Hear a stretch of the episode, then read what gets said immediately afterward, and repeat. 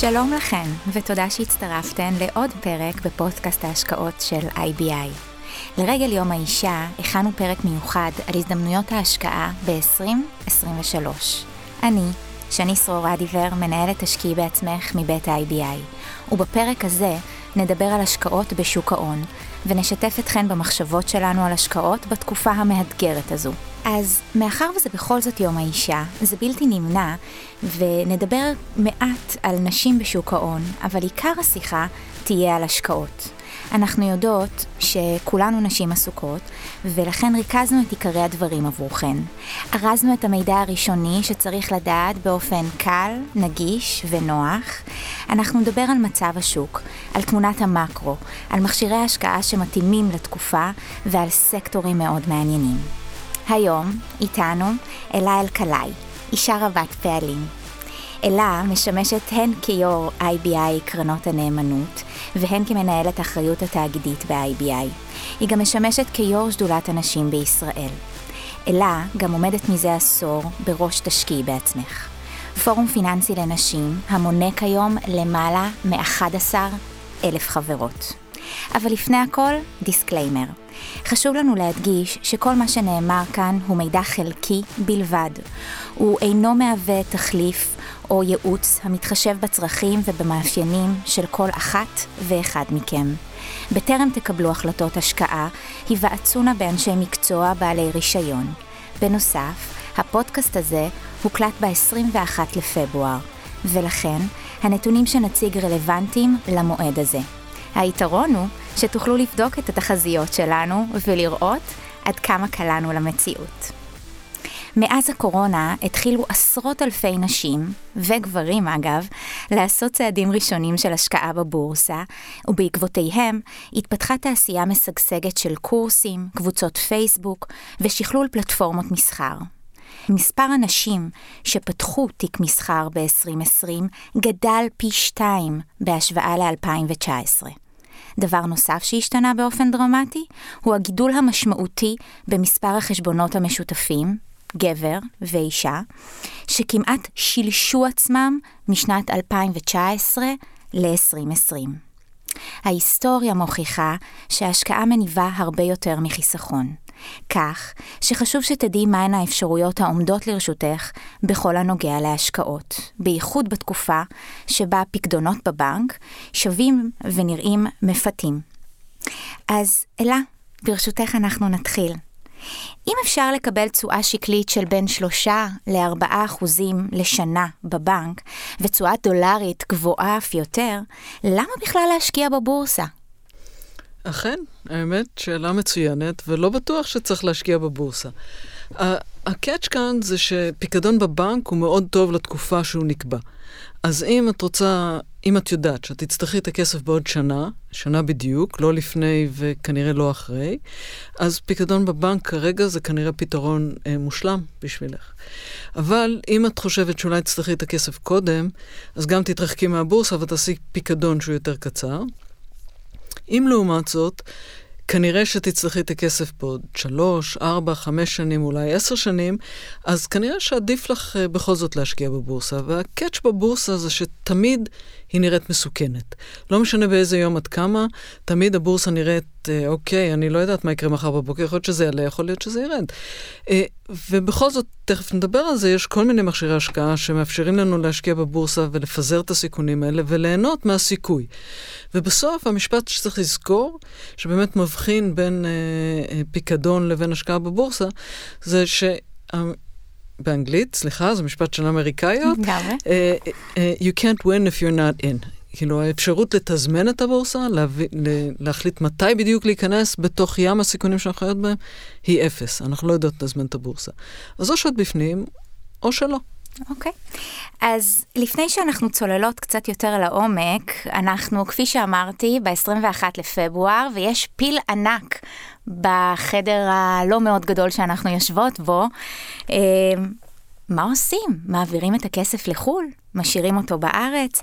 אני אשמח אם קצת תסבירי על תמונת המקרו הגלובלית ומה חשוב להבין כשמסתכלות בימים האלה על העולם.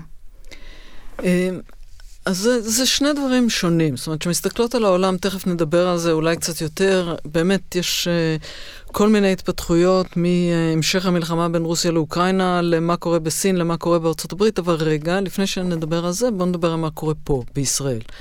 ומה שקורה פה בישראל הוא uh, לא דומה לשום דבר שחווינו מקום המדינה ועד היום. והסיטואציה הזאת של...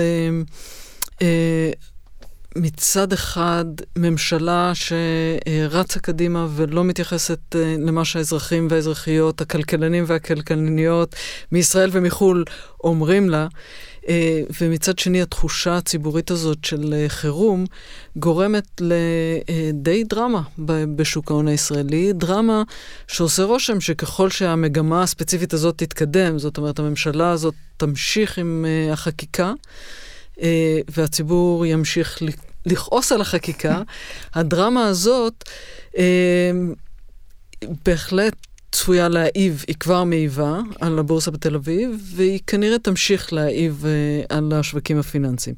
אז יש פה שני דברים שצריך לקחת בחשבון. אחד זה שמדדי המניות כרגע בישראל מפגרים אחרי מדדי המניות בעולם. Mm-hmm. עכשיו, זה לא חריג, לפעמים זה קורה, לפעמים זה לא קורה. זו תופעה שצריך לבחון אותה לאורך זמן בשביל אה, לא, להסיק ממנה מסקנות אה, משמעותיות, אבל בהינתן שיש אה, עצירה בהשקעות בהייטק, ושהקשיים הכלכליים הספציפיים, זאת אומרת, הדולר עולה והריבית עולה, ויש קשיים כלכליים ספציפיים כאן, המסקנה הסבירה היא שכנראה שבישראל הולך להיות uh, בעייתי כלכלית בתקופה הקרובה. או בשוק ההון, ההסתכלות היא תמיד על סיכון סיכוי, אוקיי? אז מה ההסתברות שאירוע מסוים יקרה? מה ההסתברות שהסיכון כאן גדל והסיכוי כאן קטן? עושה רושם שההסתברות שהסיכון כאן גדל והסיכוי קטן עולה. ולכן ההחלטה המינורית, תכף נדבר על ההחלטה הדרמטית, אבל ההחלטה המינורית של להסתכל על תיק ההשקעות ולהחליט שבתוך הרכיב המנייתי שלי, למשל, אני מגדילה את המשקל של חו"ל על חשבון המשקל של ישראל, או ברכיב האג"חי. אני מגדילה את החשיפה לשווקים הגלובליים ומקטינה את החשיפה לאגרות חוב ישראליות, עושה רושם שזאת החלטה מאוד רציונלית לטווח הקצר. אמ, אני אגיד בתוך זה שההחלטה באמת הפיל הגדול בחדר זה האם uh, לסגור את החשבונות בישראל ולהעביר אותם uh, לחו"ל, זאת אומרת, לפתוח חשבונות בבנקים זרים. וההחלטה הזאת היא, ראשית, היא הרבה יותר מורכבת ולכן היא הרבה יותר uh, דרמטית. בטח אם מדובר בחיסכון הפנסיוני שלנו, שזה ממש צריך להיות באמת קטסטרופה אה, שהבנו שהכל פה הולך להישרף לתקופה מאוד ארוכה בשביל לעשות צעד כזה. אבל ההחלטה הקטנה יותר של אה, אה, לסגור את התיק השקעות בישראל ולפתוח תיק השקעות אצל אה, בנק זר, זאת אומרת ממש להוציא פיזית את הכסף מישראל, היא החלטה בטח יותר מורכבת מאשר תמהיל ההשקעות. היא לא מאוד דרמטית. יש הרבה מאוד ישראלים שיש להם תיקי השקעות uh, בעולם. מה שכדאי לחשוב עליו זה שני היבטים. אחד, מי אנחנו רוצים שיטפל בכסף? זאת אומרת, אם אנחנו רוצות להשקיע לבד או שאנחנו רוצות מנהל השקעות.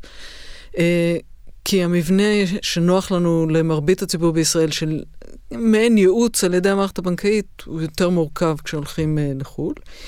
Uh, ואז השיקולים שצריך לקחת בחשבון זה בעיקר שיקולי עלות. וגם קצת שיקולי מיסוי, בעיקר בארצות הברית. Mm-hmm. אז אלה השיקולים העיקריים. אה, האם זה הגיוני או לא, כל אחת תצטרך להחליט בשביל עצמה, אבל מה שכדאי לה באמת לבחון זה את סוגיות העלות ואת סוגיות המיסוי, אם היא בוחרת לעשות uh, צעד כזה. ונגיד פתרון, כמו שיש אצלנו, שיש מנהל השקעות שיושב בישראל, אבל הכסף יושב בבנק זר, זה פתרון שהוא גם יותר נוח מבחינת עלות. Uh, בטח מבחינת השפה, אבל גם מבחינת העלות. כן, מבחינת התקשורת אין ספק שזה יתרון אדיר. אה, לנהל את השיח מולו אה, אה, בעברית וככה להצליח... בשעון ישראלי. בשעון ישראלי. אבל בתכלס, אם אנחנו עכשיו מדברות על המצב כפי שהוא היום, במה כדאי לנו להשקיע? אז אם אנחנו מסתכלות רגע על המאפיינים העיקריים של הכלכלה הגלובלית, אז זה די ברור לנו שבמרבית העולם יש אינפלציה. בעיקר בעקבות היציאה מהקורונה, בעיקר בעקבות הכסף uh, שהרבה מאוד אזרחים ואזרחיות קיבלו בתקופה שהם לא עבדו, שהחזיקו אותנו, את כולנו ואת הכלכלה בחיים. Uh, הרבה בגלל הבעיות בשרשרת האספקה, שחלקן עדיין נמשכות, בעיקר בגלל המלחמה בין רוסיה לאוקראינה. אז זה עוד אלמנט ש, שנכנס ושיבש לנו את היקום. אז, אז זה יצר איזושהי אינפלציה בכל העולם, mm-hmm. שככל שזאת רק אינפלציה של היצעים, היא כנראה תתמתן עם עליות הריבית, ואנחנו קצת רואות את זה. מה שעוד מאוד מזין את המגמה הזאת זה כמובן הרמה של האבטלה הנמוכה, שוב, זה נכון אצלנו, אבל זה נכון במרבית העולם, mm-hmm. וככל שרמת האבטלה תגדל קצת, אה, או שהמשכורות לא יגדלו קצת, אז כך אה, אה, באמת לאט לאט האינפלציה אה, תתמתן. וזה התסריט האופטימי. כרגע זה התסריט המרכזי, זה מה שנראה שקורה גם באירופה וגם בארצות הברית, אבל זה יכול להשתנות אה, ברגע. מה שמלווה את זה, זה עלייה של ריבית. ועלייה של ריבית, המשמעות העיקרית שלה זה שההוצאות של חברות אה, גדלות. זאת אומרת, הוצאות המימון, פתאום נוספו לנו הוצאות מימון בחברות. אז כשאנחנו מסתכלות על העולם, הדבר הראשון שאנחנו מחפשות זה חברות יציבות. חברות שאין להן הרבה הלוואות, mm-hmm. שיש להן תזרים, זאת אומרת שהפעילות שה, שלהן מייצרת כל הזמן כסף, וחברות כאלה שבאמת בכל מצב עולם יש להן לקוחות. למשל, חברות תרופות, נכון? Mm-hmm. חברות תרופות, בכל מצב עולם יהיה להן uh, לקוחות. אחד האזורים שכנראה ימשיכו להתפתח זה האזור של אנרגיה מתחדשת. כל העולם צריך את זה. פרויקטים חדשים הולכים להיות uh, יותר כלכליים מפרויקטים ישנים, הטכנולוגיה משתברת, העלויות משתפרות. אז זה למשל עולם שקשה להסתכל עליו ולהגיד uh, שהוא לא סביר להשקעה. כן, צריך להיזהר פה בין פרויקטים ישנים, שתומחרו ב- לפי ריביות ישנות, לבין פרויקטים חדשים. אז כן, יש פה איזושהי הסתכלות וחייבות איזשהו מחקר uh, לתוך התחומים האלה. Uh, עוד uh, תחומים שנראה בעולם שהם uh, uh, בסבירות גבוהה הולכים להיות חיוביים, זה למשל למערכת, מערכות פיננסיות, גם באירופה, גם בארצות הברית, uh, בנקים נהנים מריבית מסוימת. אה, בעיקר נהנים מפערי הריבית, אה, וככל שאין חשש להאטה, לאיזושהי נפילה למיתון, אז בנקים, הסקטור הפיננסי עדיין אה, נראה מאוד מבטיח בעולם. פה יש את ההסתייגות של הכלכלה, אז כרגע הבנקים נראים מצוין, אבל אם הכלכלה פה הולכת לאט, אז אולי פחות. עוד תחום mm-hmm. שבוודאי מעניין את uh, כולנו, זה תחום של הנדל"ן. Uh, ושני, האמת, הייתי רוצה לשאול אותך, תגידי, יש הרבה לקוחות אצלנו שמתעניינים בנדל"ן, נכון. אז uh, מה, מה את עונה להם? אני עונה שאין ספק שגם uh, היום בשוק הנדל"ן צריך להסתכל על הדברים אה, אולי באופן אה, קצת שונה, ולכן בתקופה הזו אנחנו מתמקדים ומתמקדות בנכסים שקצת פחות רגישים לשינויים כלכליים, מתוך ההיגיון שאומר שלא משנה אם תהיה שנה של מיתון, או לחילופין שנה של שגשוג, אה, אנחנו סבורים שאנשים לא יכולים לוותר על צריכה חיונית וקיומית, כפי שנתת את הדוגמה קודם של חברות תרופות. אה, לדוגמה. ולכן בתקופה הזו אנחנו שמות דגש יותר על נכסים מסחריים, שסוחרי העוגן שלהם הם לרוב רשתות פארם וסופרים. בנוסף, אנחנו מאתרים היום הזדמנויות בשוק הנדל"ן למגורים באנגליה, שמסובסד אה, בחלקו על ידי הממשלה. כן, אז נגיד באנגליה מצד אחד נראה שהכלכלה סוף סוף, אחרי כל הצרות שהיו להם, מתאוששת. מצד שני, יש להם אינפלציה לא פשוטה, והריבית שם גם אה, נמצאת באיזושהי מגמה של עלייה. אבל לחלוטין זו אחת הכלכלות שנראה שהכלכלה שם אה, אה, הולכת סוף סוף, אחרי הרבה זמן, לכיוון קצת יותר חיובי. נכון. כן. נכון. Um, אי אפשר ככה להמשיך, אני חושבת, מבלי מילה קצת, אה, ו- וקצת יותר להתעמק במה שקשור לכלכלת ישראל בתוך ההפיכה המשטרית ותנועת המחאה האדירה שקמה מנגד. אני אשמח לשמוע, גם כיו"ר שדולת הנשים, אה, מה את חושבת על זה. אז דיברנו על זה קצת בהקשר של אה, כן או לא להעביר uh, כסף נכון. לחו"ל, אבל אולי נגיד על זה עוד כמה מילים על מה בעצם יכול להשתבש פה. אז ראשית, אה, אנחנו כבר רואות שיש איזושהי תנועה של אה, כסף מחוץ למדינה, אה, החל, ו, והפחתה של הכסף שנכנס למדינה, שזה אולי אה, יותר חמור לנו, אבל המשמעות של הדבר הזה מבחינת מטבע זה שכרגע הדולר מתחזק או השקל נחלש, איך שרוצות להסתכל על זה. והמשמעות היא שדברים מתייקרים לנו. דברים שאנחנו מייבאות לישראל, נכון? כוח הקנייה שלנו נפחת, פוחת, ובעצם ההשלכות של זה על האינפלציה הן אה, עשויות להיות בעייתיות. ולכן הנגיד אתמול, אה, ביום שני אה, בתחילת פברואר, העלה את הריבית. והמשמעות של זה היא ששוב, ההוצאות שלנו, גם של חברות, אבל גם של פרטיים ש, שיש להם הלוואות, mm-hmm. עולות. המשכנתאות לדוגמה? למשל. כן. ואז המשמעות של זה, זה שיש לנו פחות כסף לצרוך, נכון? שזה טוב לאינפלציה, כי זה מקטין את האינפלציה, אבל אה, זה לא ממש טוב לכלכלה, שחלק גדול מה, אה, מהתוצר כאן הוא... הוא אה, הוא כתוצאה מהצריכה הפרטית של האזרחים והאזרחיות, לא רק מהמשקל של, של המדינה. אז ההשלכות על זה הן, הן בעייתיות מבחינת uh, הצריכה הפרטית, מבחינת ההתפתחות של הכלכלה, מבחינת ההשפעה של זה בוודאי על עסקים קטנים ובינוניים. Uh, אבל יש עוד השלכה שהיא אפשרית, mm-hmm. כן? כאילו, כל זה נכון uh, למצב פוליטי מסוים. כן. במצב פוליטי אחר, כמובן שההשלכות הכלכליות מיד עשויות להתהפך. אה, אפילו בן לילה. אבל אחת ההשלכות הפוליט... הכלכליות האפשריות מהפוליטיקה הזאת, שאנחנו שומעים מבנקים זרים, זה שייתכן ודירוג האשראי של מדינת ישראל ירד. ואפילו לפני זה, שהמשמעות הישירה של זה, זה שלמדינת ישראל יהיה יותר יקר. אה, כל הפעילות שלה תתייקר, כי הוצאות המימון שלה יתייקרו. אבל אפילו לפני זה, לפני שחברות הדירוג יורידו את דירוג האשראי, השוק יכול להגיב. וראינו דבר כזה באנגליה לפני כמה חודשים, שעלתה ממשלה אה, שמרנית שהחליטה אה, לפעול בצורה שכל השווקים הפיננסיים בעולם חשבו שהיא לא הגיונית, וכמעט בן לילה. מה שקרה זה שהריבית או התשואה על אגרות החוב האנגליות קפצה, קפצה פי שתיים, בזמן ממש ממש קצר. ותוך חודש החליפו את, את אה, ראשת את הממשלה. את ראשת הממשלה. כן, ואת שר האוצר. אז התגובות פה יכולות להיות מאוד מהירות, ועד שישמעו את הפודקאסט הזה, נקווה שכל הסיפור הזה יהיה מאחורינו. אבל אם לא, בטווח הקצר, אה, סביר שהמחיר הכלכלי שכולנו נשלם על אה, שינויי החקיקה האלה יהיה משמעותי. אז לסיכום, אני אשמח לשמוע ממך כמה משפטים על איך לקבל היום, במצב המאוד לא פשוט הזה, החלטה ואיך כדאי לפעול. אז בסוף, אה, כשאנחנו באות אה, לבית השקעות או כשאנחנו באות לבנק, אז עושים לנו, מין תרגיל כזה של את הלקוח. ואומרות לנו, אתן אתן נשים, אה, אוקיי, אז כנראה שאתן שונאות סיכון, וכנראה לא מתאים לכם סיכון, אז אה, אז תהיו בתיק סולידי.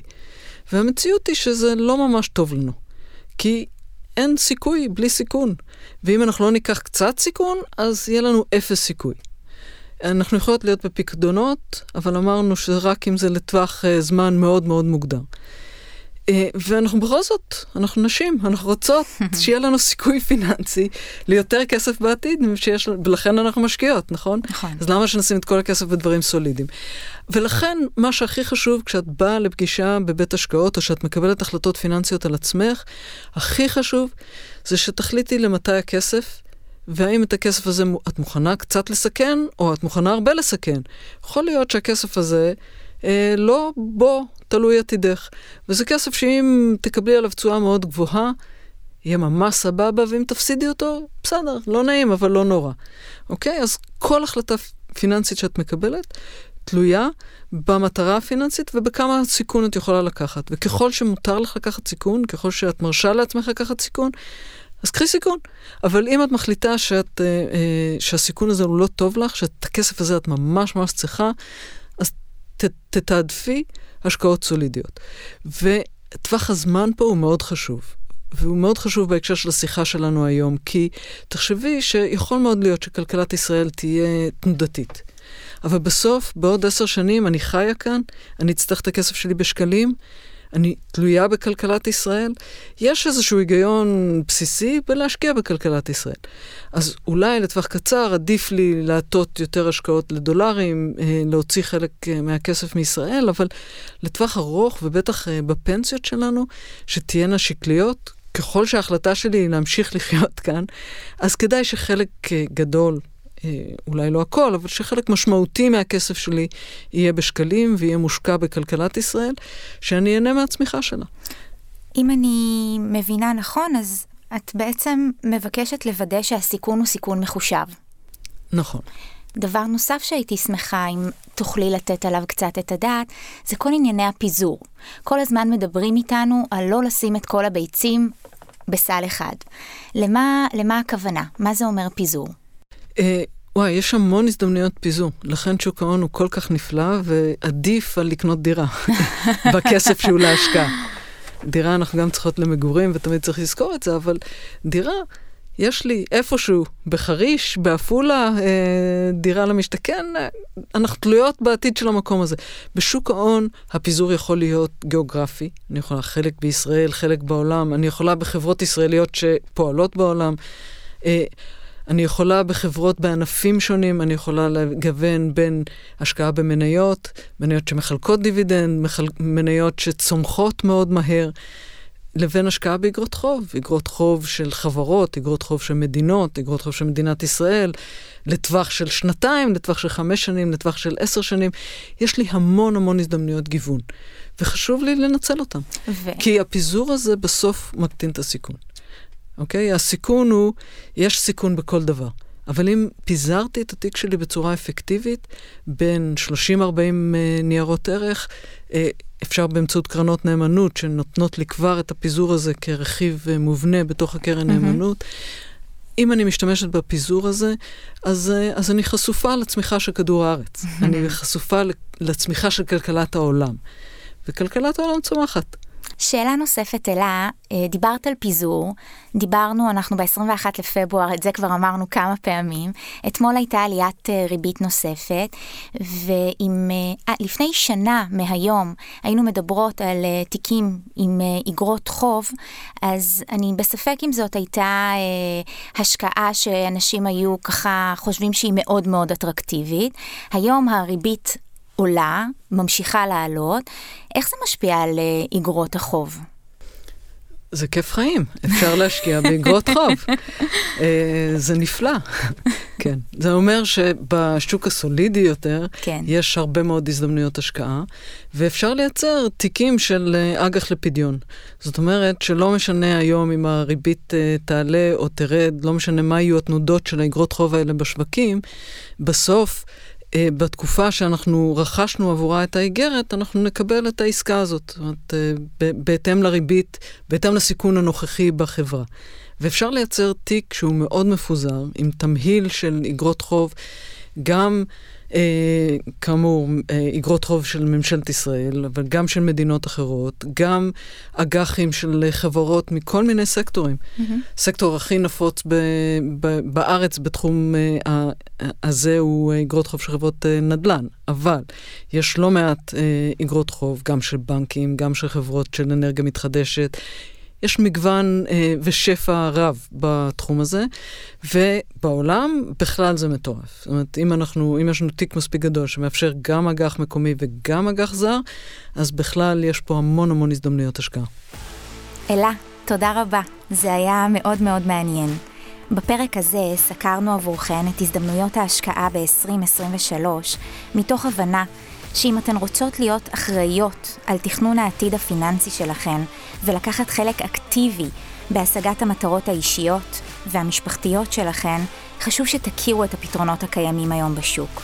אני רוצה להודות לך, אלה, שוב, תודה רבה לכן, המאזינות והמאזינים שלנו, תודה שהייתן איתנו, שהשקעתן את חצי השעה האחרונה בעצמכן. אני מקווה שהיא הועילה לכן.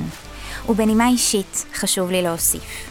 חשוב לנו שיהיו יותר נשים בשוק ההון. חשוב לנו לפגוש אתכן באירועים, בוובינארים, וכמובן, כלקוחות שלנו. תוכלו לפנות אלינו או לעקוב אחרינו בעמוד הפייסבוק שלנו, תשקיעי בעצמך, פורום פיננסי לנשים מבית IBI, או באתר IBI. להתראות, ובפעם הבאה, פנים מול פנים.